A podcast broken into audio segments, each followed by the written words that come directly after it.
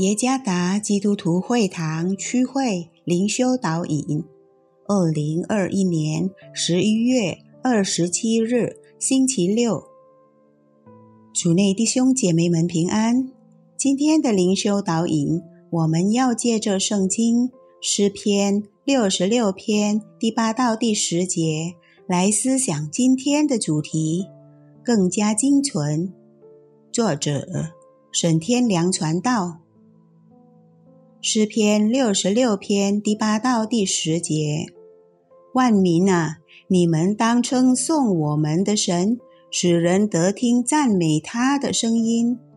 他使我们的性命存活，也不叫我们的脚摇动。神啊，你曾试验我们，熬炼我们，如熬炼银子一样。生产纯银并非一个简单的过程。人为石块状的银，必须先用火融化，去除不需要的部分，才能达到预期的效果。信徒的生命也是如此。一个跟随上帝者的毅力、忠诚和顺服，需要接受纯净的试验。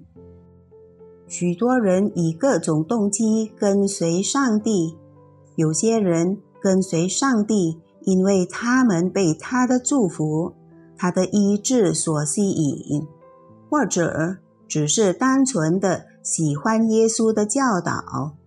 当一切正常且顺利时，跟随耶稣就感觉很容易。然而，当情况发生变化时，并不是每个人都能保持一致性，因此一切都需要被试验和熬炼。